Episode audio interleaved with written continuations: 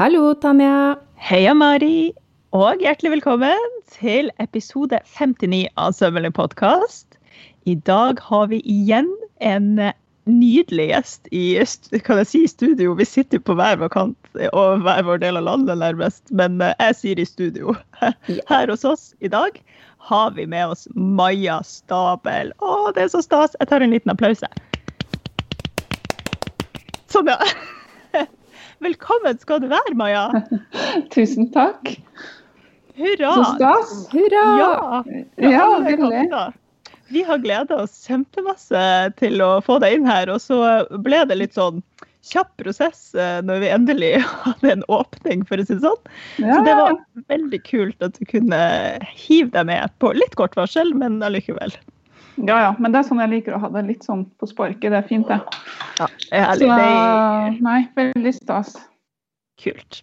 Veldig i sømmelån er det også å gjøre det litt sånn her. Litt sånn Ja, skravle, skravlehygge. Det er jo liksom sånn syklubb. Det er, jo- det det som er koselig. Mm, mm. Det er det. Ja. OK, du, vi pleier alltid å la gjestene våre få lov til å presentere seg sjøl. Så da gir jeg bare ordet til deg, så kan du litt sånn si litt til ja, kanskje de lytterne som absolutt ikke vet hvem du er. Hvem er du, Maja? Ja. Oi, det er jo alltid litt sånn uh, vanskelig, syns jeg. Men, men jeg skal prøve å ta den korte versjonen. Jeg, jeg er utdanna klesdesigner. Har gått øh, på Nå heter det vel Oslo OsloMet i Oslo. Eh, og i København på noe som heter Sustainable Fashion. Um, det var i København jeg oppdaga Zero Waste, eh, og det er det jeg driver med sånn hovedsakelig da, er det som heter Zero Waste klesdesign. Um, og det, det har jeg da holdt på med siden 2012. Og um, ja, har holdt uh, kurs og uh, laga litt mønster og ja, eh, hatt en lokal produksjon faktisk her oppe i Rissa, som er i Trøndelag. Jeg bor jo i Trondheim. Eh, Men er fra, opprinnelig fra Larvik, bodd mange år i Oslo, og nå bor jeg i Trondheim fordi jeg er sammen med en som er odelsgutt, så vi bor ute på landet her. Eh, ja. Eh, og jeg hadde en eh, lokal produksjon her ute i Rissa eh, på, og samarbeida med en vekstbedrift, men det er nå lagt ned. Så eh, ja. Det var kanskje en kortversjon, ja, tror jeg. Så driver jeg jo med andre ting òg. Jeg driver jo liksom med tegning og illustrasjon og broderi og litt sånne ting. Men eh, bakgrunnen min er fra klesdesign, da. Ja, Mm. Veldig kult. Vi, vi må innom alt det her. Alt det du, alt det du så vidt har nevnt, må vi dykke dypere inn i, føler jeg. Er ikke du enig, Mari? Veldig enig. Og da må jeg bare få lov til å fortelle meg, fordi nå vet jeg jo at du og Mari ikke ennå har hatt gleden av å møtes, mens jeg og du, vi har jo møtt hverandre mm. en gang før live, liksom. Ikke bare Live. live. da syns jeg det var en litt artig historie som jeg måtte fortelle. Jeg Ja. husker jo ikke årstall eller noe sånt. Jeg skal ikke bli sånn gammel dame som sier at den gang i 1944, men, men det er jo en stund siden. For jeg husker Jeg var jo fortsatt bare en sånn eh, glad og lykkelig amatør. Jeg tror ikke jeg var Ja, nå, engang. nå måtte jeg tenke litt sjøl òg, men jeg, lurer på om det der var liksom rett før du var på TV? Ja, jeg lurer også litt på det. Eh, Ja. Eh, Men da, jeg, var jo, jeg har jo fulgt deg en stund, og jeg var altså så fascinert over det her med Zero Waste. Og det var etter innspillinga til Symesterskapet, jeg er helt sikker på. Ja, fordi jeg ja. jeg tenkte sånn Fader, at det her ikke skjedde før. Fordi egentlig så hadde jeg litt lyst til å til å, Vi hadde jo sånne oppgaver forberedte, og jeg tenkte sånn Skal jeg gjøre noe sånn zero waste-greier? Men så følte jeg ikke jeg hadde nok liksom, kunnskap rundt det, og overkompliserte det veldig for meg sjøl. Um, men grunnen til at vi møttes, var jo at Fremtiden i våre hender, var det de som arrangerte en workshop ja. ja. Hadde en workshop eh, i samarbeid med dem, ja. Ja. Og da kjente jeg sånn Nå! Det her! Det her må jeg få med meg! Så jeg kastet rundt og ble med, og vi skulle sy um, den eh, fine pleddkåpa di, eller ja, du hadde vel flere alternativer for hvilken pleddkåpe man kunne sy. Men det husker jeg så godt. Og da Ja. husker jeg òg at jeg fikk sånn sansen for hele, hele ditt vesen da. Så det var bare nydelig. Nydelig møte. Da vil jeg bare spørre, var det Kan det stemme at du sydde en pleddjakke med sitroner på, Tanja? For den mener jeg da at jeg har sett bilder på Instagram foran den fine barnehagen på Tøyen. Var det Oh det? yes. oh yes, Mari. Det er helt riktig. Da sydde jeg altså den der den, eh, sitronjakka. Og det som er artig med den sitronjakka, det er jo sånn gammelt eh, Jeg vet ikke om det er et teppe eller hva det er, som man tydeligvis fikk i bokklubben. Ja, det fant du vel ut av på Ja. den der workshopen. Det var noen som sa det der. Ja, ja, ja. Og, så, og så fant vi ut at det kanskje var noen sånn gave fra bokklubben eller noe. Ja. For det er tydeligvis det teppet ser man i mange hjem, for å si det Mm. sånn. Mhm. Um, og det er da sitroner på den ene sida, og så er det lime på den andre sida. Og den har jeg. den har jeg fortsatt. Jeg bruker den fortsatt, altså. Ja, kult. Mhm. Den blei veldig fin, da. Den blei skikkelig, skikkelig kul. Så ja, det var stas. Det var stas. Mm. Ja, og så Jeg må jo si det, eh, Maja. Eh, nå kan hende du synes at jeg er litt sånn stalker-aktig, men jeg eh, føler jo på en måte at jeg kjenner deg eh, på et dypt plan, uten å egentlig vite så veldig mye om deg. Og det er Eh, veldig stas. Fordi jeg bare mm, vet ikke hva det er, men noen ganger er det jo litt sånn Og det er jo selvfølgelig faren med Instagram, men noen ganger det er litt forskjell. For noen ganger på Instagram så er det sånn Å, det mennesket liker jeg. Mens andre ganger er det sånn Dette mennesket er min venn. Og det har jeg tenkt om deg uten at vi egentlig Vi har bare sendt liksom meldinger eh, fram Ja. og tilbake, men, eh, men det er liksom det er noen som på en måte man blir litt glad i uten å kjenne dem, da. Så jeg eh, føler at vi har nok noe sånn eh, Det er et eller annet der. Oi, så koselig. Det var veldig Det var veldig fint å høre. Fordi jeg tenker jo at jeg liksom ikke klarer å formidle meg sjøl på Instagram så veldig godt. Eller at jeg liksom sliter med å eh, ja, eh, vise hvem jeg er. Men da har jeg kanskje klart det på en annen måte likevel. Men det, jeg har jo sånn som sikkert veldig mange har, sånn hat-elsk-forhold til det. Eh, Så nå har, har jeg liksom bare sånn OK, nå bare eh, dukker jeg opp når jeg føler for det og sier det jeg føler for. Og det har vært veldig sånn eh, befriende, for det er noe som har skjedd i det siste. Hvor jeg bare sånn Nå, det her er all of me. Og noen ganger kan det sikkert bli for mye for noen fordi jeg snakker om mye rare ting. Mens andre bare sånn som kanskje eh, Som du, Mari, da. Så det er jo veldig eh, koselig å høre. At du liksom bare føler at vi er venner. og det, det er jo veldig gjensidig. Eh, fordi begge dere to er jo veldig sånn som jeg har tenkt ah, For noen herlige damer. Eh, som jeg tenker er liksom ja, er venner, på en måte. da. og at jeg kjenner dere. altså Tanja, Jeg har jo bare møtt Tanja veldig sånn kort. Men eh, Mm. det var jo veldig Jeg husker jo jeg bare sånn åh, hun dama der. Og når jeg begynte å følge jeg tror jeg jeg vet ikke om jeg fulgte Nei, jeg begynte vel å følge deg etter det, tror jeg. Og For jeg skjønner- hadde ikke noe særlig konto før det heller. Sånn. Nei, det var nei, jo det veldig var sånn kanskje nei. Jeg sydde jo så vidt, for å si det sånn. Ja, ikke sant? Så når jeg oppdaga deg, og, du, og så var du med i Symesterskapet, og det syns jeg var så stas, og så vant du og alt, og jeg bare Herregud, hun er helt rå, hun dama der. Eh, så det var bare sånn Ja, helt eh, falt for deg, og det samme er med Mari. For jeg bare sånn, elsker hvordan du, Mari, er så flink til å liksom bare vise deg sjøl og bare snakke fra levra, liksom. Så det er så deilig når folk gjør det, og så bare Ja. Men jeg tenkte der med, med å være sånn, ja, at man virkelig prøver å bare være ærlig på Instagram og poste det man faktisk føler for å poste. Det er jo så perfekt måte å krystallisere eh, følgerskaren sin på. Altså, de som ramler Mm. av, hva skal man med de det uansett? tenkt. Ja. Det er akkurat det jeg har tenkt i det siste. At vet du hva? Takk, fordi det er liksom plutselig mister jeg jo følgere. Og jeg bare ja, tusen takk, det var fint at dere fant ut at det her ikke er for dere. For da, Mm. da er jo ikke vi liksom ment for hverandre. Og det er bare at jeg har gitt helt sånn slipp på det derre mm, om å gjøre å få mer følgere, for det er man jo generelt veldig, veldig opptatt av. Og det er jo ikke det at jeg ikke vil ha flere følgere. Men jeg, jeg er veldig der nå hvor jeg bare sånn Ja, men de som finner meg, og de som vil være inn i my space, holdt jeg på å si, de de er det. Og så er det helt fint at folk liksom eh, faller fra som ikke føler at det her er deres greie. Mm. Så det er veldig sånn som du sier, ja. Da finner man jo virkelig liksom sine folk. Det er mm. fint. Jeg er helt uh, enig, og, og jeg syns jo Jeg har jo også et sånt ambivalent forhold til det, fordi det er jo den der tanken at man må vise seg frem for å kunne nå ut og faktisk kunne jobbe med det her. Mm. Eh, men samtidig som man egentlig vil verne seg litt fra det. Og som jeg pleier å si, jeg kunne bodd under en stein eh, så lenge yes. jeg bare kunne på en måte putta ting ut. Ingen trengte å vite at det var meg. Ja. Problemet med dagens ja. samfunn er at folk vil ha den personen bak.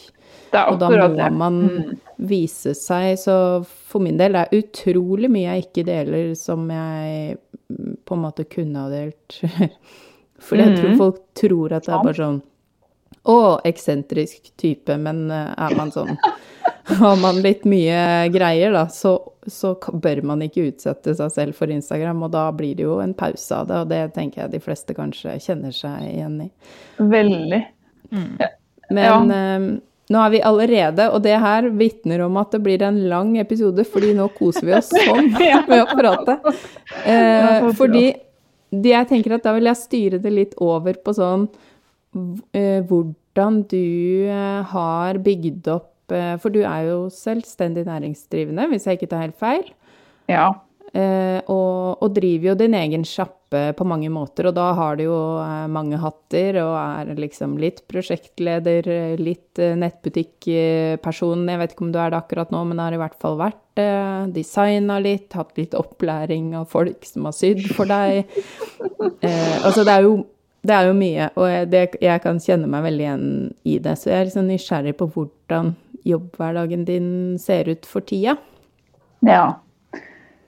Ja, nei, jeg har styra med mye, og eh, jeg har eh, prøvd og feila mye, føler jeg. Eh, og det er jo en del av liksom reisen og prosessen som jeg tenker er viktig òg, da. At man eh, ja, at det, det, er ikke bare sånn rett fram. Og dagene mine er aldri rett fram. Jeg har prøvd det der med å planlegge, og det har funnet ut at jeg liksom ikke er noe god på. da. Jeg er veldig veldig dårlig på å planlegge og øh, syns det er deilig når jeg klarer det, men, øh, men så liker jeg så utrolig godt å ha friheten. Så det, det jeg, klart, eh, det jeg klarer, og det som jeg har som en vane, det er å sette opp dagen før. Jeg skriver dagbok da, stort sett øh, morgen og kveld, men kanskje i hvert fall på morgenen. Og så Det eneste jeg skriver på kvelden som er helt sånn hellig, som jeg må skrive opp, det er sånn tre viktigste ting jeg må gjøre i morgen. Så Det er det jeg klarer å forholde meg til. og så Selvfølgelig er det noen ting jeg må planlegge inn, men, eh, men det er liksom det jeg eh, gjør for å ha litt struktur, sånn at jeg vet neste dag liksom, ok, dette er de tre tingene jeg må, i hvert fall må få gjort. For hvis man har en sånn kjempelang liste, da føler man seg alltid ræva. Man får mm. aldri gjort hele den lista. Så, så, det jeg har funnet ut er sånn gull, fordi jeg har lest et sted at hvis man har mer enn tre ting, da, det, da har man ingenting. Eller sånn, det er for mye, da. Eh, mm. Så det, det funker for meg. Og i det siste så Eh, I det siste så har jeg jobbet mye med sånn eh, Hva heter det? Sånn applikasjon og broderi og ja, de nye jakkene mine med applikasjoner og sånn. Fordi jeg er så mm. utrolig fornøyd med at jeg etter så mange år har klart på en sånn gøy måte å kombinere illustrasjonen og klærne mine. For det jeg har hatt lyst til å gjøre i så mange år, så har jeg bare liksom hatt det atskilt. Og har vært så liksom hatt lyst til å gjøre begge deler. Og veldig sånn um, gått mellom de to hele tida og bytta. liksom, Nei, nå skal jeg fokusere på det, nå skal jeg gjøre dette. Og sånn, og så har jeg liksom bare falt tilbake. altså Jeg har gått veldig, vingla veldig mellom de to. da. Så nå å, å kunne liksom mash it up er bare så deilig. Det er så artig at du sier det her, Maja. fordi her, i, um, her Vi har skrevet noen sånne spørsmål som vi vil gå innom. Og da på det her med applikasjon og broderi, så har vi skrevet giftermål mellom sømtekstil og illustrasjonene? spørsmålstegn. Ja. Liksom, vi, jeg har i hvert fall også følt at å, herregud, det her er fantastisk. Endelig. For jeg syns de illustrasjonene og tegningene dine er så vakre. Og så er det liksom at du bare har klart å koble det videre til eh, det tekstile arbeidet ditt. Jeg kjente jeg ble så glad på dine vegne. Ja, jo Mm. takk. Eh, Jeg, jeg føler det samme selv. At jeg var sånn Å, herregud. Nå, eh, nå skjedde det noe som det gikk opp i en høyere enhet, hvis jeg er lov å si. At jeg bare eh, For meg liksom, var det bare veldig befriende. For det er bare sånn Oi, eh, selvfølgelig. Og så er det sånn mm, når jeg ser på noe, så er det bare sånn selvfølgelig. Men det, jeg har ikke sett det før, og jeg har ikke vært der før nå. Og det er liksom greit. Jeg måtte ha den reisen fram til jeg har eh, kommet dit. Og det er ikke det at den reisen er over heller, men det er bare så deilig at jeg har funnet det uttrykket da, og at jeg kan nå kan lage liksom eh, de der bildene av tekstil, men også liksom overføre de bildene på en måte i klærne mine. da. Mm. Mm. Og det syns jeg er kjempespennende. så det er, det er det jeg driver og utforsker nå. Og eh, som dere sier, ja, jeg, jeg driver mitt eget, men herregud som jeg har slitt med å finne liksom balansen i det der å tjene penger og gjøre det jeg har lyst til, for det er egentlig helt umulig. Eh, så eh, jeg fikk jo, har jo fått støtte, og det er sånn jeg har kunnet holde på. Så det har jeg kanskje ikke ropt eh, liksom, så høyt om, men eh, og det, det skulle jeg kanskje gjort, fordi det er helt umulig å holde på sånn som jeg gjør uten, uten noen form for hjelp. Og nå har jeg, sykt heldig med min uh, samboer, som er uh, evig snill, kanskje litt for snill. Uh, men ikke bare det, jeg har fått støtte fra noe som heter omstillingsprogrammet i Rissa, eller Indre Fosen heter det. Når jeg holdt på med den Mm. produksjonen, så fikk jeg støtte først derfra, og så førte det videre til at jeg kom inn i Innovasjon Norge, og at de har gitt meg støtte. Så, og det var pga. det samarbeidet med den vekstbedriften at jeg fikk støtte fra Innovasjon Norge. Og så ble jo det lagt ned, så da var det usikkert veldig lenge om jeg fikk noe mer. Um, og da fomla jeg lenge, sånn som jeg har prøvd å skulle lage online-kurs, og at alle skal lage online-kurs, og det er greia. Og jeg har prøvd, og jeg har bare funnet ut at det ikke er for meg. Altså jeg har laget noen små, da. Mm. Men uh, alt det her fokuset på online-greier eh, får jeg helt angst av. For jeg elsker å møte folk live. Og liksom, det her har jo med korona alt å gjøre. ikke sant? At alt skal være online, og alt skal ja, lage kurs, og det skal liksom bare ligge der, og du skal tjene masse penger på det. Det er liksom ideen. ikke sant? Og de som selger sånn opplæring i hvordan lage kurs, de er bare sånn Alle kan bli dritrike på det her. Og så går man på. Og så tenker man at ja, ja, ja, det er kjempelurt. Og så bare, så bare setter jeg meg fast gang på gang og bare skjønner Altså nå har jeg endelig da innsett at det ikke er for meg. Jeg klarer ikke eh, sånn online Altså i hvert fall ikke sånn ongoing online-opplegg med sånn kurs og sånn. Det, det er veldig vanskelig for meg. Eh, og, klarer, og, og, og da kan jeg ikke ha fokus på det jeg egentlig har lyst til. Og da blir jeg kjempefrustrert. Så, så nei, nå, nå går babla her, altså, så nå må dere bare avbryte. Men, eh, men ja. eh, Det Jeg har fått, jeg har fått eh, støtte, og det er sånn jeg kunne holdt på. Jeg tjener selvfølgelig litt sånn på ting og tang, men det er jo ikke noe, noe å leve av. Så nå har jeg endelig fått avklart og at jeg får mer, da. Eller at jeg, jeg har akkurat fått innvilga liksom, mer støtte fra Innovasjon Norge, så da skal jeg nå se på liksom mer seriøs sånn, produksjon av de nye jakkene mine, da, hadde jeg tenkt. Hurra! Så fantastisk. Grattis med dette. Det er nydelig. Og jeg må jo si at alt jeg har tenkt om deg, eh, fordi jeg er jo sånn Jeg er jo en veldig følete person, det tror jeg alle vet. Eh, Mm. Alt du sier, tenker jeg Ja, Maja, det er dette jeg har trodd. Og det er dette Det er derfor jeg føler at Fordi jeg tror vi er ganske like. Ja.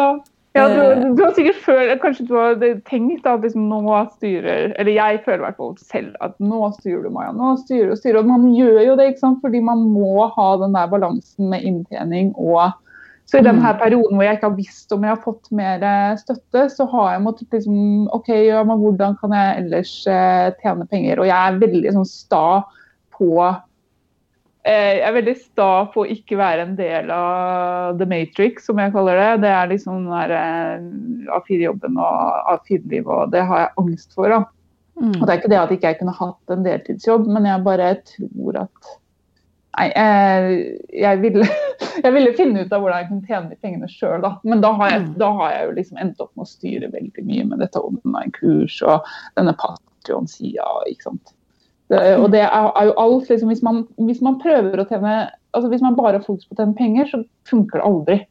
Og det er, tror jeg er en sånn viktig sånn eh, beskjed, holdt jeg på å si. Det er at man må gjøre det man liker å gjøre.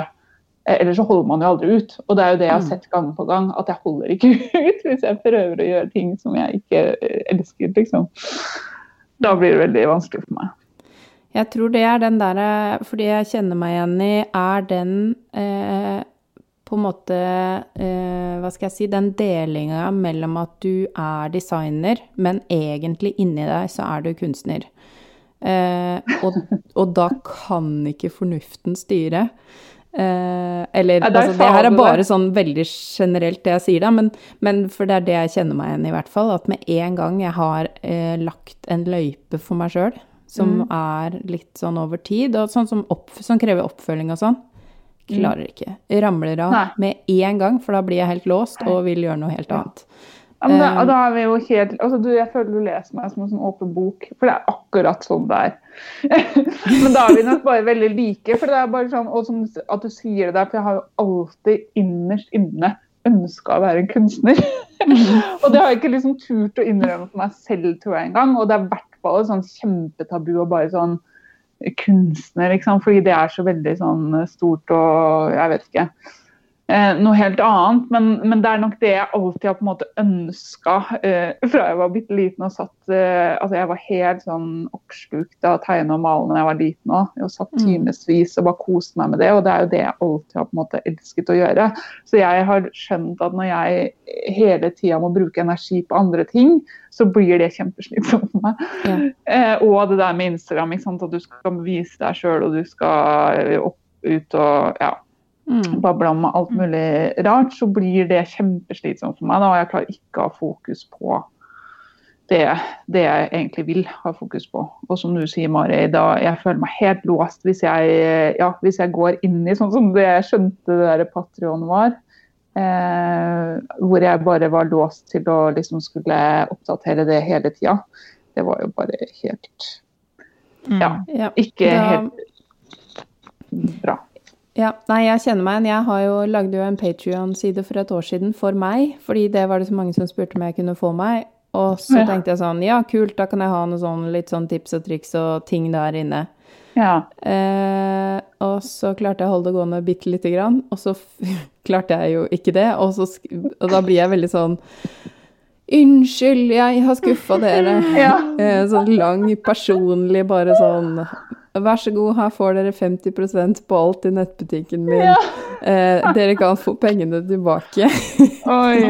Altså, Ja. veldig sånn, ikke sant? Jeg tror ikke jeg Ja. sa akkurat det med å få pengene tilbake, fordi det, hadde, de, det kunne jeg vel ikke gi fra meg. Men, men det er bare eh, den eh, Og jeg har vel egentlig etter eh, mange år, for jeg også har veldig samme bakgrunn, bare skjønt, eh, også fordi jeg har fått beskjed om det av andre ja, men det er fordi du er en kunstner, og ikke Du er bare utdanna designer, men inni deg er du egentlig en kunstner. Og det er utrolig Ah. flåsete ting, men det er Ja. det som Jeg tror det er kjernen. Og jeg Mm. tror det derre frie sinnet, på en måte, da. Og det har jeg jo Jeg har jo lest det som du hadde på den Patrion-siden din om uh, The Wild Woman. Altså det Ja. der at man skal slippe seg fri og bare følge stemmen sin. Mm. Eh, jeg tror at noen mennesker trenger det, men så er det jo mange mennesker som eh, blir helt stressa av det. Eh, som Mm. trenger det motsatte. Problemet er jo at verden er jo lagt opp litt mer for dem, da. Ja, nei, men det er, det er akkurat sånn det er. Mm. Mm. Eh, egentlig så tror jeg når man liksom Jeg tror bare veldig mange er veldig styrt av det samfunnet vi lever i. Og det her er kanskje en liksom mye større samtale, men det, jeg bare det er det jeg har liksom angst for å bli styrt av samfunnets regler. Da. For det finnes veldig mange regler som vi ikke engang tenker over fordi vi er født inn i det. Mm. og det er, det er sånn det alltid har vært, og det er sånn vi må gjøre det fordi det er sånn alle andre gjør det. Og det kjenner jeg bare trigger meg veldig, for da blir jeg bare sånn Nei, skal ikke! ja. Så, så, ja, det, det, det, kjenner jeg, det kjenner jeg veldig på. Ja, Men det blir vel også på en måte rammeverket ditt for hvordan du jobber, at du hele tiden leter etter en litt annen måte å gjøre det på, sånn som med Zero Waste. Prinsippet der, det skal vi jo gå litt mer inn på. Men der er jo prinsippet at man har jo de samme bitene mer eller mindre, men som man kan da feste sammen på ulike måter for mm. helt ulike uttrykk. Eh, og det er jo litt på en måte, hvis man skal se litt sånn stort på det, at det er jo litt sånn i samfunnet òg, at vi alle får jo de samme bitene ikke, altså Selvfølgelig så er det økonomi og sånn, vi kan ikke gå inn på det. Men, men, men, man på en måte får Man får eh, en boks, da. Og så mm. kan man jo selv velge hvordan vi, man vil pusle rundt på ting inni den boksen.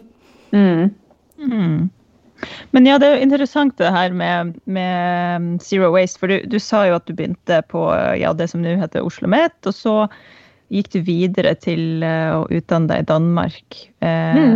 i Zero Waste. Var det, allerede da var det litt sånn at jeg skal faen ikke bli som vanlig klesdesigner? Jeg skal, jeg Nei, ja, altså det som har vært greia, og det her er jo liksom roten eh, Greia at jeg begynte på klesdesign, det var jo veldig sånn eh, jeg begynte på klesdesign, men jeg har alltid hatt Og det her er veldig klisjé, men jeg har veldig sånn Hvorfor trenger verden en klesdesigner til? Det trenger jo overhodet ikke det. Så jeg har hatt veldig problemer egentlig med den veien jeg har valgt. Og vært veldig sånn Ja, men hvordan kan jeg gjøre det annerledes? Fordi jeg kan ikke bare være another designer som bare gjør eh, Lager mer crap, liksom. Det, det, har jeg helt angst for. Så det har vært eh, helt, helt tidlig når jeg startet å studere det. så så tenkte jeg at jeg måtte finne min måte å gjøre det på. Og så var det vel med bacheloroppgaven min hvor jeg eh, oppdaget liksom det her med slow fashion. Det var så vidt begynt å snakke om, det var i 2010. Så det var liksom eh, ikke så mye snakk om det. Men eh, da, da, skjønte jeg det her med liksom kvalitet, at det var viktig for at det kunne vare lenge. og sånn. Jeg laget den eh, bacheloroppgaven min var liksom basert på det. da. Uh, inspirert av Mad Men. uh, så, og så uh, reiste jeg faktisk til København ikke for å studere, men for å jobbe for en designer som het Veronica B. Vallenes. Som var, mm. er en norsk designer. Jeg vet faktisk ikke om hun driver fortsatt. Det er lenge siden jeg har hørt om henne. Men ja, hun var veldig hotshot da. Ja, ja, hun var det. Hun var skikkelig hotshot, og jeg bare digget det hun gjorde. Og hun viste liksom en gang på Oslo Fashion Week eller noe, hvor jeg oppdaget henne. Og så skjønte jeg at hun var i København, og så tenkte jeg ja, det er jo gøy. Jeg må bare spørre om liksom, jeg kan jobbe for henne og lære av henne. Så da gjorde jeg det. Dro jeg til København. Og så selvfølgelig jobba frivillig gratis, sånn som det er i den bransjen. Alt er jo mm. sånn man, må, man trenger ikke noe penger for å være designer tydeligvis. Eh, eh, så nei, jeg jobbet for henne, og så møtte jeg en annen intern eh, som jobber for henne også, og, som snakket om denne skolen som hun skulle begynne på, som heter Københavns ervervsakademi. Og da hadde de en ny linje som het Sustainable Fashion. Og da var jeg jo sånn Oi, ja det er jo kjempespennende. Det søker jeg bare på. Og så gjorde jeg det, og så begynte jeg der. Eh, og det var ikke noe sånn mm, fokus på zero waste, for så vidt. Det var mer sånn generelt eh, Mer sånn generelt teoretisk egentlig om bærekraftig design. Eh, det var veldig lite sånn kreativt, men det var for så vidt greit. Jeg lærte mye om måte, teorien rundt det. Og så skulle vi ha en oppgave, og det var sånn jeg det, det, Dette føler jeg også er veldig sånn klisjé, men jeg kom på på en måte zero waste opp i hodet mitt når jeg skulle lage en oppgave til en designer. For vi fikk en oppgave hvor vi skulle designe for en dansdesigner, og så skulle han komme og liksom se på og vurdere oppgavene våre. Og da hadde jeg sett at han hadde veldig sånn geometriske former. Det var veldig lett å liksom skjønne hans formspråk. Så jeg var bare sånn å ja, ja, men da klipper jeg bare opp denne stoffbiten i masse forskjellige biter, og så setter den sammen igjen, og så blir det en genser. Og så bruker jeg alt stoffet, for det er jo kjempegøy. Altså, det, var, det var et eller annet sånn jeg bare Jeg husker at jeg tenkte at det er et gøy konsept. Og uten å vite faktisk om Zero Waste. Eh, og så fant jeg ut av det veldig fort etterpå at det var en greie som het Zero Waste Class Design, og at jeg gikk ut på å liksom bruke hele stoffbiten. Så, så, Ja, det er jo en litt lang historie, men for å si det kort, da, så så han designeren oppgaven min, og han elsket det og ba meg å komme og jobbe for han og lage en Zero Waste-kolleksjon for han. Eh, og da ble det praksisperioden min, og da gjorde jeg det. Og så der igjen så plukket hans investor meg opp og sa at vi skal starte et klesmerke med deg som designer og fokus på Zero Waste klesdesign. Oi, Fordi det skjønte han at det her var liksom greia. Hun norske dama her, hun, eh, hun måtte vi liksom ta med oss. Og vi dropper han her eh, danske designeren som vi egentlig har investert i, og så starter vi et nytt klesmerke med henne som designer. Og så plukker vi bare et par av disse andre som var med. Altså Det var helt absurd. Det var bare sånn Jeg skjønte ikke hva som skjedde, men jeg var bare sånn Oi, dette er jo helt fantastisk. Dette blir jeg med på.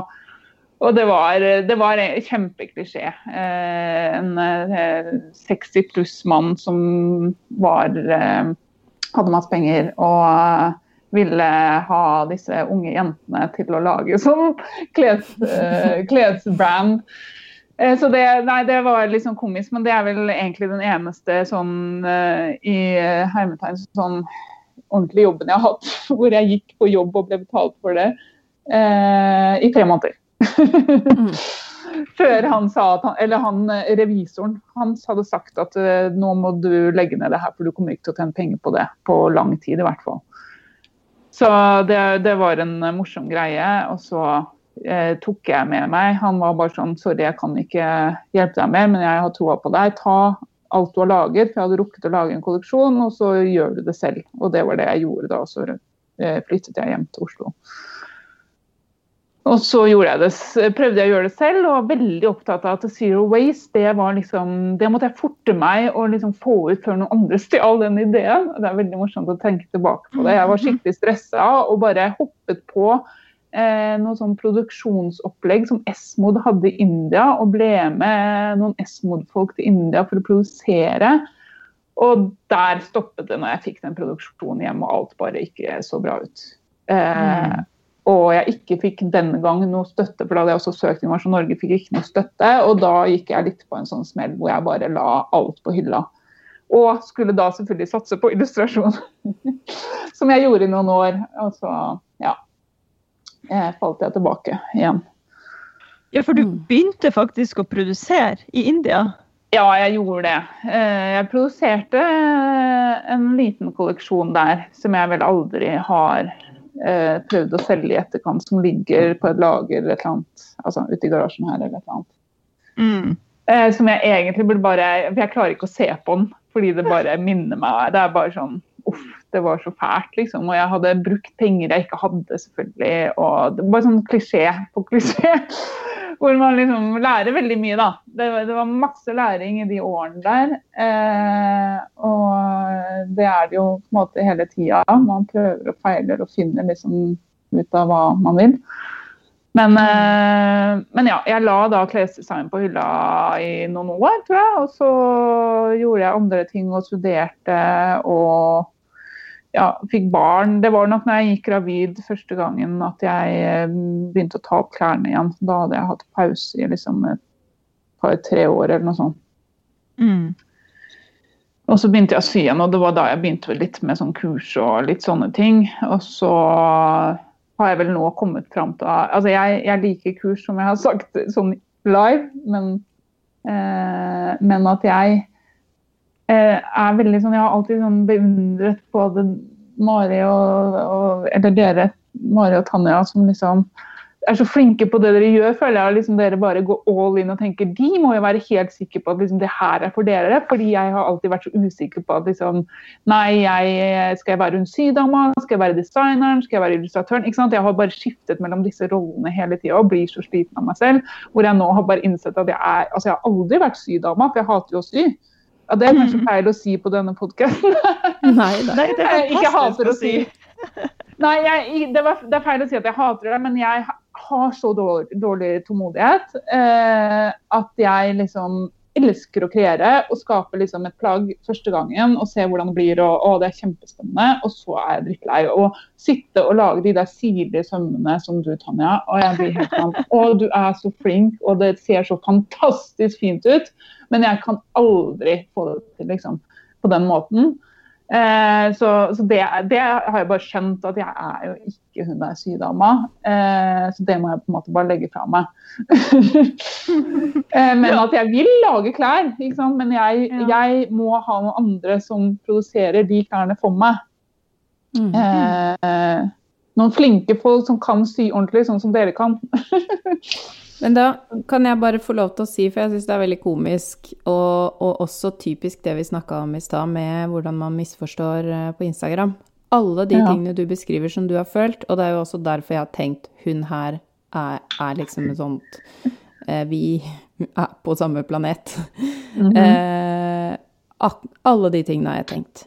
Hver gang mm. jeg setter i gang med noe, så er det megagøy i to uker. Morsomt eksperiment. Gøy. Ferdig med det eksperimentet. Med en gang folk begynner å være sånn 'Jeg vil kjøpe det, jeg vil kjøpe det'. Ja, ikke sant? Det er dumt, fordi nå holder jeg på med noe annet. Nå er det ferdig. Ja. Det er jo akkurat sånn. Ja. Eh, jeg holder ut liksom akkurat så lenge, og så må jeg on to the next, liksom. Ja. Så, må jeg, så er jeg ferdig med det, og så må jeg gjøre noe annet. Maja, jeg tror vi må starte noe sammen i, i regi av noen som orker å stå i etterarbeidet.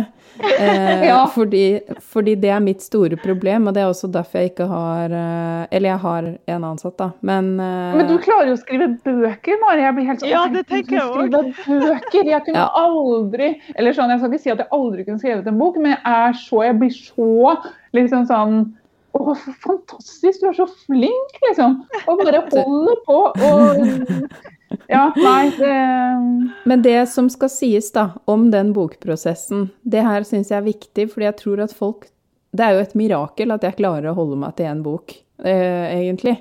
Men grunnen til at jeg klarer det, eh, mm. er eh, fordi eh, at jeg skriver tekst, illustrerer hele boka, tegner alle mønstrene og syr. Eh, mhm. og derfor så kan jeg hoppe fram og tilbake som en sånn pingpongball. Så jeg kan være helt oppe i kaos eh, veldig lenge og mhm. bytte på. Og det blir utrolig rotete og slitsomt. Eh, men da er jeg liksom i min flytsone. Eh, så når jeg skriver veldig, veldig lenge, da blir jeg jo litt sånn deprimert fordi jeg ikke får laget noe. Men da jeg mm. endelig da skulle sy litt igjen, så ble jeg jo som en sånn Det ble helt propp, for da hadde jeg hadde hopa seg opp så mange ideer, ikke sant. Mm. Uh, så jeg tror at uh, stikkordet her er å veksle mellom ting. Men ja. ikke så mye at det blir rot.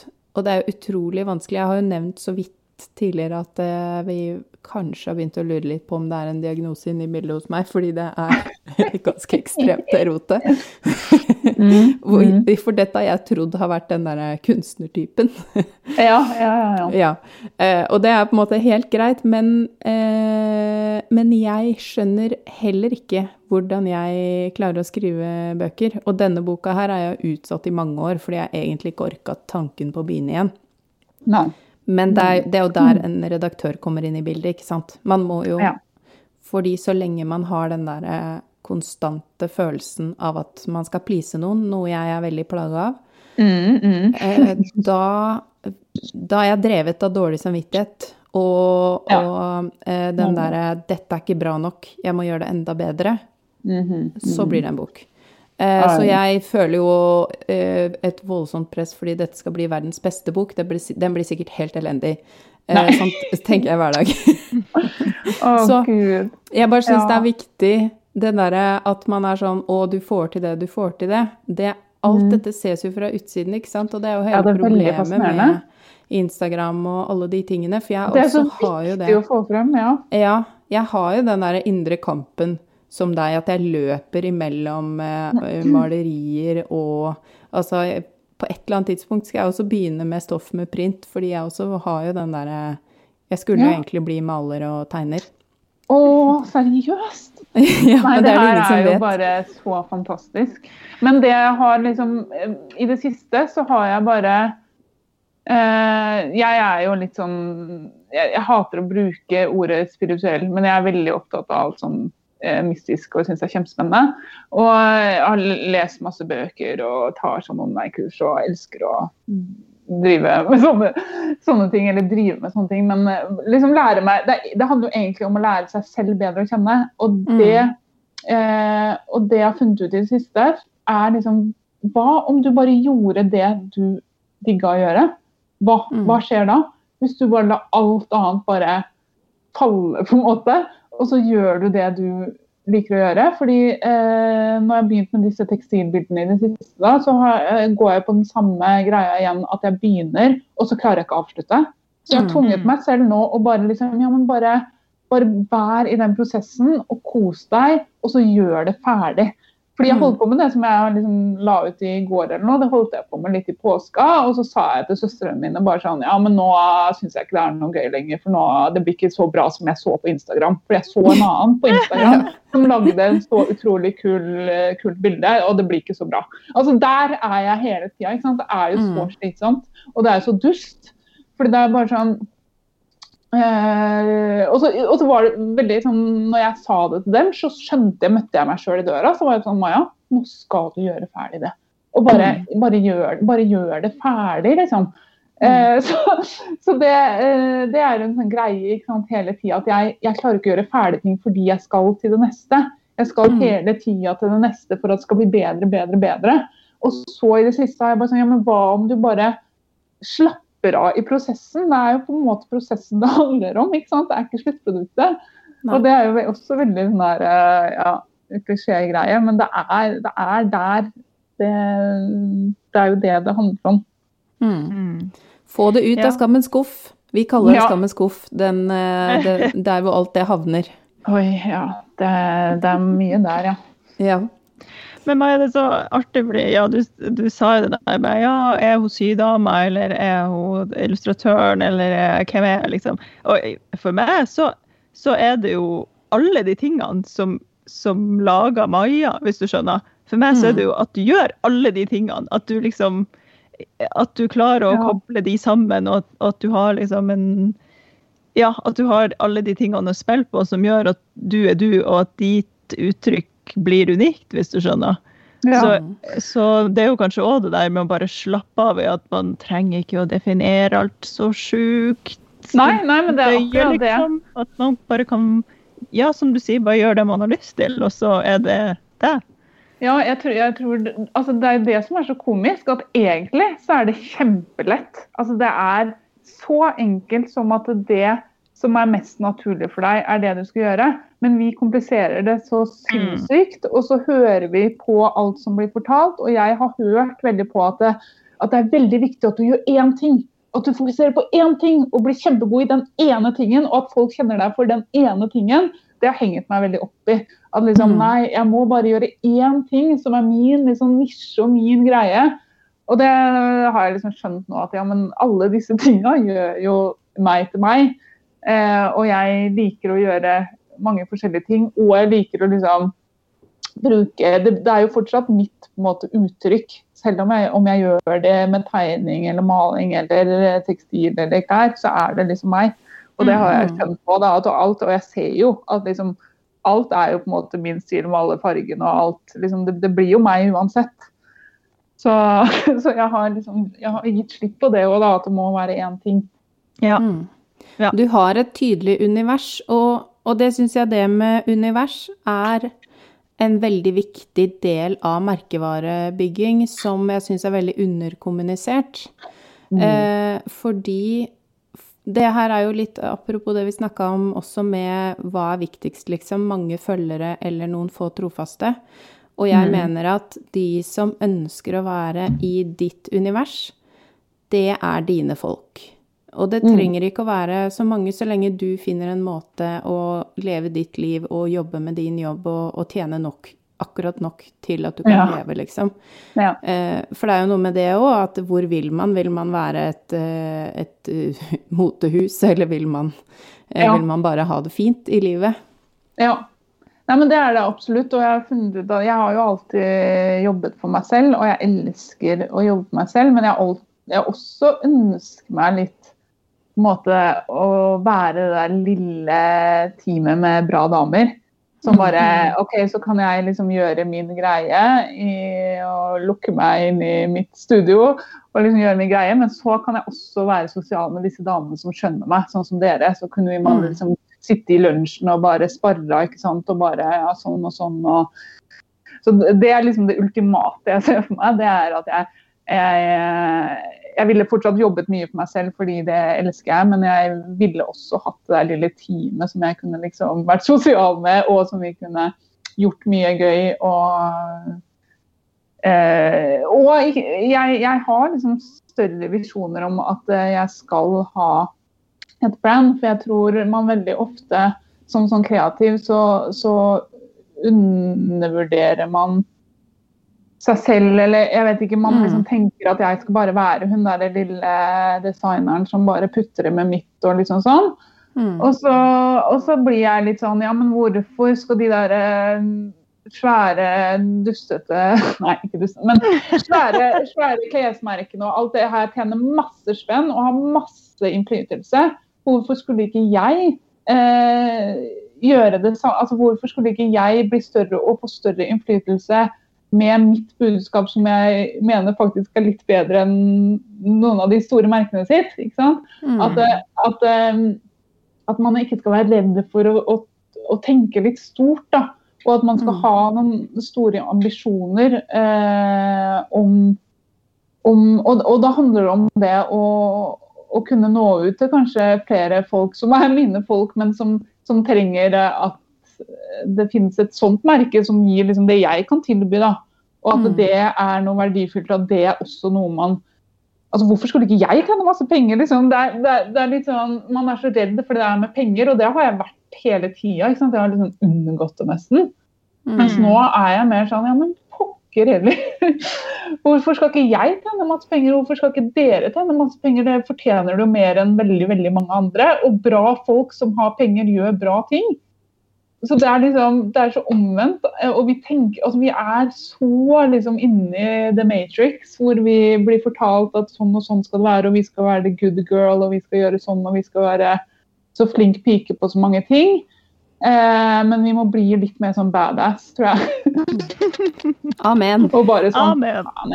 Ja, ja, men altså, ja. og bare vet du hva, Her er jeg, her har jeg å tilby, og jeg fortjener faktisk eh, å tjene penger og gjøre bra ting med de pengene. og det er liksom, man, man, skal ikke være så redd for det, da. men jeg er den første til å si at jeg har vært det veldig veldig lenge. Men jeg prøver å liksom skifte det på meg selv nå, da. Mm. Og, mm. og, ikke liksom unngå det. og bare eh, vite at det Hvis jeg hadde hatt masse penger, så hadde jo jeg pokker meg gjort utrolig masse bra ting. mm. eh, og kule ting og liksom hatt eh, workshops og hatt altså Det kan jeg ha uansett, det er ikke det, men liksom nei, jeg tror bare at man må skifte litt sånn synet på det. Man er veldig sånn ja, man skal jo bare overleve, da. sånn, ja, men fader, kanskje jeg kan ha det egentlig helt fantastisk hvis jeg bare åpner meg selv opp for det, på en måte. da. Hvis man ja. klarer å åpne Altså man har litt sånn større perspektiv på ting, tror jeg. Og ikke mm. er i den lille bobla si hvor ofte er jo det hvor jeg bare vil gjemme meg bort. ikke sant? Mm. Men så må man være liksom, man må være inne i bobla, men så må man gå ut av bobla og liksom være litt eh, sånn tøff og stikke seg litt ut og innimellom. Mm. Ja. Enig med deg, Maja. Så ja. enig. Ja. Kult! Um, og vi hadde jo egentlig tenkt å snakke med deg om Zero Waste i dag, men du er jo en sånn spennende person, så, så vi får bare tillate oss en litt lang episode i dag, tror jeg. Um, ja. ja. Og for og, min del gjør det absolutt ingenting at, eh, at det her blir mer en sånn Kan jeg si bransjesnakk? Jeg sa det, at jeg kom til å skravle. Det, var... ja, det, er, det, er, så deilig perfekt. å liksom snakke med folk. Det er vel det. Det er bare sånn å herlighet. Og i hvert fall snakke med folk som jeg føler skjønner meg. Det er jo, bare helt, det er jo noe av det beste i verden. er jo liksom å møte folk som skjønner en. Mm. Enig. Skal vi, skal vi, spørre litt om Zero Waste eh, da, eller hva tenkte du, Mari? Altså, jeg, jeg er litt nysgjerrig faktisk, Maja. Fordi, ja. Og det her tror jeg egentlig ikke er så veldig uh, på sida heller, det er jo veldig inni det, Uh, alt mm. det vi prater om. Fordi nå blir jeg jo også litt bedre kjent med deg, og det er veldig gøy. Eh, og så skjønner jeg jo at du er litt sånn som eh, meg og Mari, eh, litt raddis. Og jeg, jeg, bruker ordet raddis i den beste forstand. Jeg elsker ordet raddis. Ja, jeg liker det. Jeg liker ja. det. Og da lurer jeg litt på, fordi eh, vi har snakka litt om det her med zero waste i forhold til klær og litt sånn. Men har du, og du har jo drevet med det en del, selv om det ble en litt eh, ja, hva skal man si, litt traumatisk opplevelse hvordan det hele endte med den Zero Waste-reisen din, kanskje. Men er det, liksom, er det noe du har tatt med deg videre på andre områder i livet? Driver du med liksom Zero Waste? Er Zero Waste liksom en ting du brenner for utafor tekstil? Å, nå skal jeg være helt dønn ærlig og si nei. Ikke sant? og det er fint å høre at Ja, ja, ja. Ja, nei, altså, og Tiroist-reisen min innenfor klær er jo ikke ferdig i det hele tatt. Men den produksjonen som skjedde, det var vel i ja. 2013, den gikk ad undas. Men jeg gjør jo fortsatt Zero Waste, og det er jo fortsatt liksom det som er ideen min nå, som kanskje er også sånn dust. Men det er jo liksom at jeg lager disse bildene hvor på en måte kunst blir til klær, hvis du skjønner. Og uten å mhm. kalle det kunst, for det føler jeg som vepsebol. Men at jeg lager et bilde, og det bildet blir til et klesplagg. Og det her er jo nå, nå, skal jeg svare mer på det du spurte om etterpå, men jeg må bare si at jeg mener at det er veldig mye snakk om eh, bærekraftig mote om dagen. Eh, veldig mye. Og jeg mener jo at man må se på liksom, klær mer som kunst òg, og behandle det deretter. Eh, og vi må liksom tilbake i tid hvor, eh, hvor klær liksom betydde noe mer. Da. De, de, lagde jo disse fantastiske kreasjonene, og det lå så mye arbeid bak. Og det gjør det jo i dag òg, det bare er en overflod. Eh, så, så, jeg mener jo at liksom, det er så viktig at eh, vi går tilbake. Og bare sånn klær skal bety noe mer, og det skal behandles med mer sånn andakt, liksom. Og og Derfor så er det liksom symbolsk for meg, og som jeg bare syns er veldig gøy at jeg har klart å kombinere. Det med å lage når jeg lager liksom de teppejakkene og kåpene, at jeg først lager på en måte et bilde, og så blir det bildet på en måte kåpa eller jakka. da. Mm. Eh, og det liksom symboliserer litt det der at dette er um, ja, eh, et uh, klesplagg som man skal ta vare på og ikke sant, behandle ja. med ja, så det, det, var den greia. Og eh, for å svare litt mer på spørsmålet, er jo at jeg er så Zero waste for meg eh, innenfor klesdesign var fordi det var bare en kjempegøy idé. Eh, som jeg bare digget. Og bare Jeg er sånn som dere, jeg beundrer så hvordan dere liksom går inn i mønsterkonstruksjon og liksom er så utrolig god som passform. Og det er jo helt fantastisk. Jeg har ikke den tålmodigheten i det hele tatt. Så derfor, for meg, har jeg gjort det dritenkelt for meg selv å lage zero waste-mønster med bare rektangler. Som er bare så banalt, men eh, bare veldig gøy og, for meg. For da kan det liksom skje fort. Uh, og det, det, er liksom mye av, av poenget. Så det med Zero Waste Creative Design det handler bare om det kreative for meg. Eh, og så er det selvfølgelig det er ikke det at jeg ikke er opptatt av miljøet og sånn i andre aspekter av livet, men det er det jeg brenner for, er innenfor klesbransjen. Eh, og så mener jeg liksom Og så er jeg veldig altså Jeg kjøper jo aldri klær og sånne ting, så det er veldig, jeg er veldig sånn fokus på klær. Hvor eh, jeg kjøper brukt, og hvis jeg kjøper noe, så har jeg det i dritlang tid. Men eh, når det gjelder liksom andre ting, så er jeg ikke noe sånn zero waste på søppel og sånn. Det er jo klin umulig når man har to små unger. Og det er liksom eh, Der mener jeg jo virkelig at uh, sta, altså, der må på en måte overmakten ta grep, hvis du skjønner. da. De må ja. gjøre det så mye enklere for oss forbrukere å faktisk være miljøvennlig. Og det gjør meg litt sånn Her i Trondheim har vi jo ikke, vi har jo ikke matavfall engang. Vi har altså vi har ingen sånn Vi har plast- og papirsortering. Det er jo helt absurd. Men uh, vi, vi, sorterer ikke matavfall. Liksom. Nei, det gidder vi ikke å gjøre i Trondheim. Liksom. Det har du gjort i, i, Oslo i 20 år. Nei, så det er bare sånn um, Det Jeg har veldig lyst til å være liksom, god på mange andre områder, men det der kreative for meg tar liksom overhånd Sånn at jeg har ikke energi til å, til å være sånn eh, veldig sånn på alle andre områder i livet. Men jeg mener at det, liksom, det med klær er utrolig viktig, da. Og så er det jo selvfølgelig prøve å bruke opp all maten vi kjøper. Og det er jo, liksom, det er jo selvfølgelig sånn at det smitter automatisk, tror jeg, over på andre deler av livet. Men det er ikke noe jeg fokuserer veldig på. Eh, det, det, er mer sånn at det kommer litt av seg selv i forhold til mat og sånne ting. Eh, og selvfølgelig at vi ikke overforbruker. Det, det, det, er liksom det det går på, da. Ja. Eh, men vi har ikke et lite syltetøyglass hvor vi putter søpla vår i. Nei, det er langt ifra. Um, og så lurer jeg på sånn, fordi du starta jo med Zero Waste Design bare egentlig ved å ha et firkanta stykke som du delte opp i biter, og så mm. Flytta du litt rundt på det, og eksperimenterte du med størrelser og sånne ting, eller hadde du liksom eh, hadde noen ja, tanker? Det er, er, det noen sånn slags mal for de som har lyst til å prøve seg litt, da? Nei, altså eh, Det som er gøy med Zero Waste, og som jeg forklarte det, det er jo at det er utrolig banalt. Og det er, det, du, det er ikke noe mer komplisert enn det det høres ut som. Det er et stykke stoff, og du kan se på det som et puslespill. Du deler opp det, eh, den stoffbiten i noen forskjellige deler, og så setter du det sammen til å bli et plagg.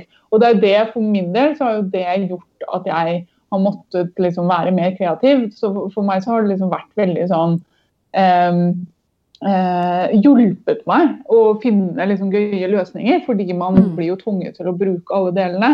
Så det er den prosessen som jeg syns er gøy. Jeg, jeg, tegner jo aldri plagget jeg skal lage først. Jeg har kanskje en idé om at det her skal bli en jakke, eller idé om hvordan jeg vil at kjolen skal bli, men det blir aldri sånn. Fordi når man jobber med Zero Waste, så dukker det opp eh, uforutsette ting som man må finne ut av. Og det er på den måten man kanskje kan få noen gøye løsninger på ting. Eller ja, eh, det blir litt sånn annerledes enn å bare tegne plagget på forhånd. da. Så det er den, eh, og det, den er, det, er det, det er genialt for nybegynnere, og det er det jeg har vært veldig sånn opptatt av og syns har vært gøy med å holde kurs og sånn. Det er fordi det her er for alle. Det er for deg som aldri har liksom sydd eller vært borti mønsterkonstruksjon. Du kan se på det som et puslespill, og du kan dele det akkurat opp som du vil. Men eh, det du må liksom lære deg litt, er jo bare kroppens proporsjoner. For det er det du må liksom regne litt på. Og det er det man kanskje finner mer ut av etter hvert, og som man blir liksom mer drilla på etter hvert, er jo liksom OK, jeg vet at den må være sånn lang og sånn brei for å passe sånn og sånn. Så det, eh, det, det er liksom utfordringen. Det er jo den der eh, matematikken som må gå opp, på en måte. da. Og så er det, sier det seg jo selv at Zero Waste er ikke veldig egnet for tettsittende klær. Sånn som jeg lager jo oversized, så meste av det jeg lager er liksom oversized. Uh, og det er, eh, det er, jo både fordi det er min stil, men også fordi det er det desidert enkleste når man jobber med firkanter. Men så kan man selvfølgelig manipulere stoffet på mange mulige måter med innsnitt og folder og alt mulig rart. Så, men det er det, den kreative prosessen som jeg syns blir veldig gøy da, med Zero Waste, er fordi man blir tvunget til å liksom finne ut av eh, hvordan man skal få det til å passe. Eh, ja. Mm. Men det er jo alle. sånn Sorry. Unnskyld. Kom alle tre samtidig. Jeg skal ikke si noe. Jeg bare lurer på om du har, har du, For du, ja, ikke sant? du har eh, et bilde i hodet, du har et stykke stoff. Du har mm. kanskje mm. klippa opp de delene allerede. Kjenner du da at du har sånn At det er noen regler? At det er liksom Du kan ikke bare smelle på et stykke bare for å smelte på at alt må ha en funksjon, eller skjønner du hva jeg mener? Ja. At det blir sånn der, at du lager det sånn. Ja, ja, ja. ja det, det, er en utfordring, fordi jeg, eh, jeg er veldig fan av at alt skal ha en funksjon. Og jeg er veldig sånn Jeg liker ikke å bare lage liksom noe sånn ekstra duppedings for at det skal være en greie, liksom. Eller sånn, for å bruke opp stoffet. Da syns, ja, da Nei, det er sant. at jeg, jeg, jeg, setter jo på en måte noen regler for meg selv. At det kan ikke bare være noe sånn bullshit-greier som man kaster på. Fordi det kommer jo uansett ikke til å se bra ut. Så det er jo veldig sånn Jeg er jo veldig opptatt av at det skal se fint ut også. Det er jo hele poenget. Eh, men det blir, og det er jo det som er utfordringen. ikke sant? At man kan ikke bare liksom snurpe en liten stoffbit og så sy det på skuldra, og så ser det fint ut. Så det må jo liksom passe inn. Mm. Eh, så det, det, er på en måte regler, det er litt regelen. Så har jeg også jobbet litt med i det siste. Nå har jeg gått litt tilbake til den opprinnelige formen min, hvor jeg jobber med stort sett pledd. Hvor jeg da må prøve å bruke hele pleddet. Men jeg har også jobbet med eh, For det fant jeg ut at i produksjon så var det det enkleste. Det var å bare sette sammen firkanter fordi jeg bare jobber med firkanter. Så må jeg bare pusle sammen de firkantene så godt jeg kan på stoffet. Og det her var veldig også fordi jeg kun har jobbet med, med gjenbrukstekstiler. Så var det jo umulig å kjøpe et stoff som jeg visste lengden på. Så da må, har jeg jobbet med å bare pusle sammen disse firkantene så godt jeg kan på stoffbiten. Mm. Eh, og så liksom sånn at jeg, jeg, kaster minst mulig, da. Men jeg har ikke kunnet liksom eh, bruke opp hele nødvendigvis på ett plagg, så da har jeg sluppet opp litt på reglene og liksom OK. Egentlig, i bunn og grunn, så handler jo det her mer for meg om den kreative prosessen enn å bruke opp alt stoffet. Eh, så, så, men, men det, det, er liksom Det er spennende å prøve å få det til. Men jeg har også sluppet opp på det å liksom kunne bruke resten til å lage handlenett eller noe, liksom, hvis man har rester igjen. da. Og det, mm. jo, det som er greit, er jo at det da også kommer til å være firkanter. Så da kan man putte det sammen til å bli et nytt plagg, eller til å bli handlenett eller putevar eller whatever. Er det ikke den uh, ja. Unnskyld. Er det ikke den ultimate uh, zero waste-jakka hvis du da har en bit til overs av alle pleddjakkene du har laget, og så til, til, slutt blir det en egen jakke? Det, nå, nå er jeg i gang. Men... ja. Jo, men det er veldig, det er veldig sant, det. Uh, at det, det, det, er som sagt mest sånn Det gir, gir meg gratis ideer. da. Mm. Og det er det mm. jeg syns er spennende. For jeg hadde aldri, og det er jo det jeg har vært innpå, som jeg sa før, at man kan ikke drive med noe bare fordi man, det er bra for miljøet. Da kan man aldri fortsette med det. Man må liksom digge det. Så -hmm. det holder deg gående, og det er det som gjør at jeg syns det er gøy med Zero Waste, fordi det er liksom en gøy prosess. Jeg tenkte nå når du sa det der, at kanskje sitter man plutselig med en firkant som er igjen. Det kan jo være en sånn reservedel du får med til kåpa. Så hvis du klarer å søle blåbær på den ene firkanten, så har du en reservedel du kan bytte den ut med. Ja, jeg ser det. Ja, ikke dumt. Ikke dumt. Perfekt. Ja. All right. Herlighet, det her ble en veldig mye mer um, metta prat, følte jeg. Jeg tenkte sånn, ja ja, vi snakka litt om Zero Waste, det blir gøy for sønnfolket. Men nå har vi liksom virkelig gått inn på mye kjerne her, som jeg tenker Oi, ja. er enda mer spennende, da, syns jeg. ja. Det er, det er, så gøy å høre på deg, og vi har jo enda ikke spurt deg om uh, ukas innspo og ukas feil, så det må vi også gå inn på. Eh, men ja. før vi gjør det, så vil jeg bare, for det her er en typisk ting som er lett å glemme, eh, fordi vi snakker jo om mm. Instagram og sånn, men hvor mm. finner folk deg? Eh, hva heter du, osv. på Instagram? Det er fint å ha skyte inn før, før vi ja. begynner å henvise til inspirasjon. På Instagram så er det bare ett Maja Stabel i ett ord. Eh, Maja med J og Stabel mener. Eh, og nettsida mi er majastabel.no. Og der, eh, for det lurer jeg på, selger du mønster nå for tida, eller? Ja, det, det, tenkte jeg faktisk å si nå, tenkte jeg på når jeg skulle være på her, at mest sannsynlig Jeg selger mønster nå, og jeg har de liggende på nettsida, men mest sannsynlig kommer de til å bli tatt ned snart. Så løp og kjøp! Ikke for at jeg skal reklamere, men jeg bare jeg har skjønt at jeg, som jeg har sagt tidligere, at jeg ikke er hun sydama på den måten. Og det er ikke det jeg brenner for. Så eh, for å liksom bare kjøre liksom med sånn kjernen av hva jeg vil gjøre på nettsida, så kommer jeg bare til å fokusere på det, tror jeg. Mm. Eh, ja. Så hvis noen vil ha de mønstrene som ligger der, så ja, må de kjøpe de nå. Ut seg inn Ja. på nettbutikken. Rett og slett. Ja. Mm. Kult! Mhm. Har du, har du um, noe innspo du har lyst til å dele med våre kjære lyttere? Jeg føler jo hele den praten her har vært bare en lang innspo, men, uh, men uh, ja. I det siste så har jeg jobba mest med sånn applikasjon, applikasjoner og sånne ting. Uh, og jeg har oppdaget så Det som har inspirert meg, for jeg har alltid elsket sånne gamle blomstermotiv eh, på stoffer.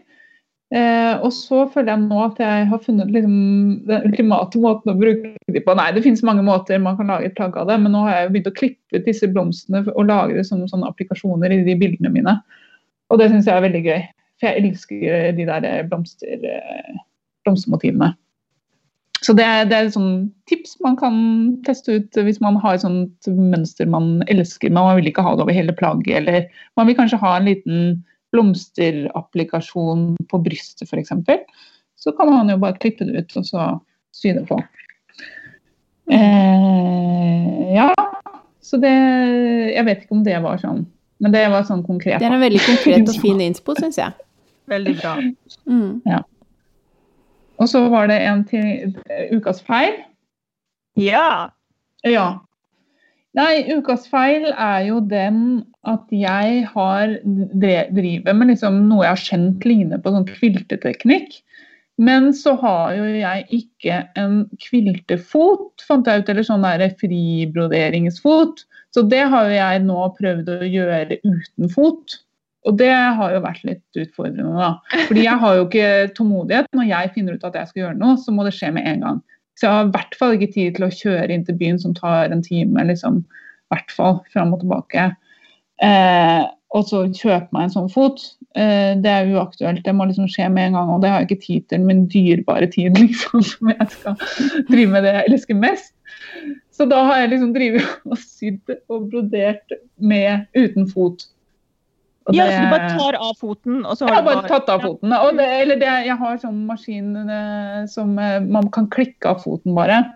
Mm. Så det er jo en slags sånn dings der. Men det er jo sånn som henger seg opp i tråder og Nei, det er jo bare helt dust, ikke sant. Men jeg har, jeg har, har ikke tålmodighet til å liksom skaffe meg den foten. Det er jo selvfølgelig så dust. Jeg må gjøre det snart. Men jeg måtte komme i gang med det og liksom gjøre det før jeg rakk å få den foten.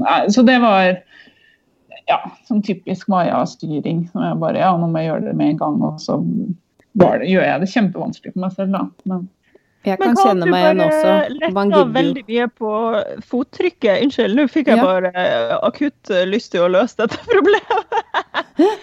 ja, ja, jeg prøvde å ta, fordi det, jeg leste at man skulle ta ned de der, den derre Transportøren, ja. Ja, og det får jeg ikke til. Det finner jeg ikke ut på. Jeg, kjenner kanskje altså Det er en ganske gammel maskin som jeg har hatt i mange år. Du vet- Hvis den er veldig, veldig Eller eh, ja, det fins en sånn spak bak på, på, um, på friarmen. Eller det sånn okay. frem og tilbake, spak bak på friarmen. Eh, Eller har du ikke sant, nå begynner jeg. Har du vertikal spole? Har du eh, sånn gammeldags spolehus i stål? Stående eller Ja. liggende, mener hun vel. Ja, Liggende, ja. liggende. Ikke sant? Nei, da tror jeg du må bak på friarmen. Og der er det kanskje en sånn eh, Ok. ting du kan skyve enten til høyre eller til venstre. Herregud, jeg vet ikke. Okay. Men nå fikk jeg så lyst til at du skulle Ja, få til det her uten ut. å måtte dra inn til byen og kjøpe Men-. Da vil jeg bare si det, Maja, fordi jeg har jo også drevet uh, masse med broderi Mm. eh, tidligere, men eh, veldig på en sånn sjarmerende, slurvete måte.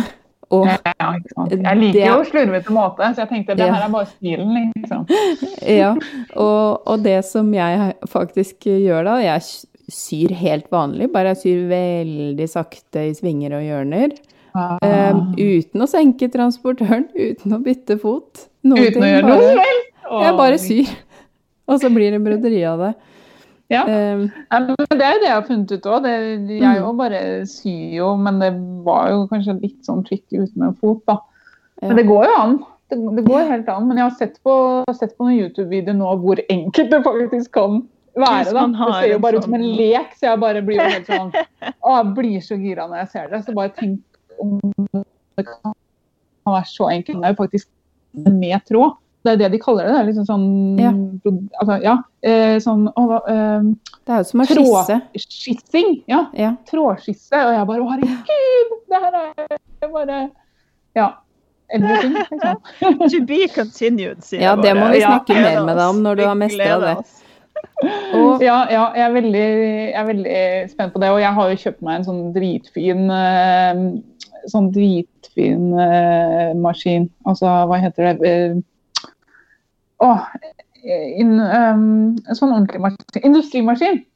Ja, det har jeg kjøpt meg. Men det, den står Jeg har ikke vært på studio nå på eh, et par uker.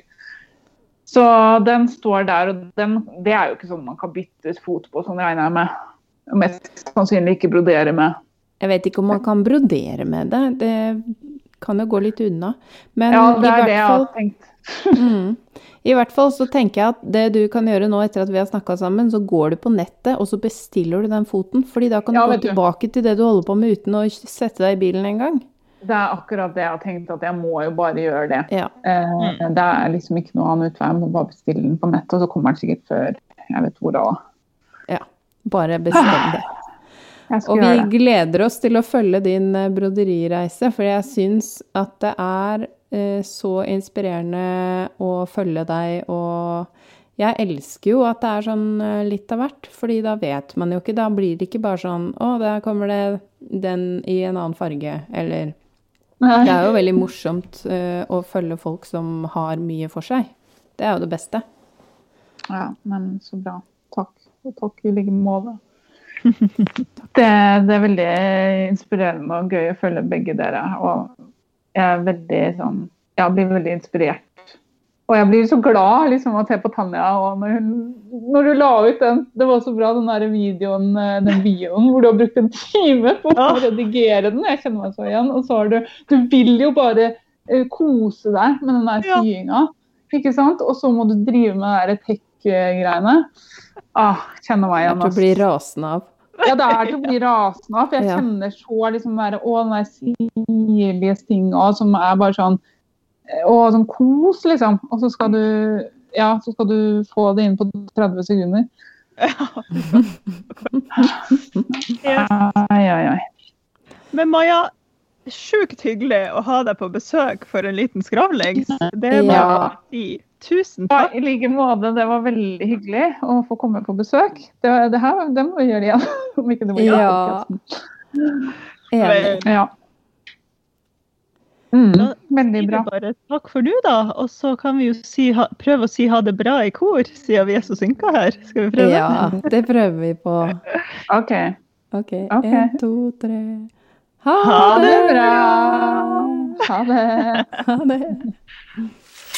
Har du lyst på enda mer sømmelig innhold? Da kan du bli en støttekontakt eller en skytsengel for podden. Da går du inn på www.patrion.com slash sommerli. Der får du masse mer tips og triks, og kan også støtte podden, så vi kan fortsette å produsere den.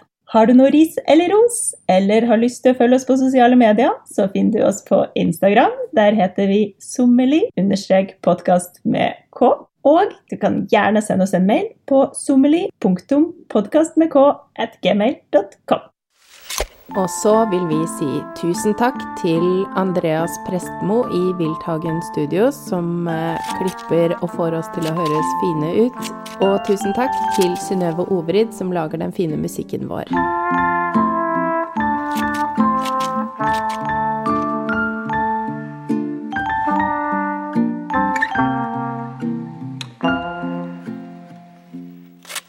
www.patreon.com slash sommerli.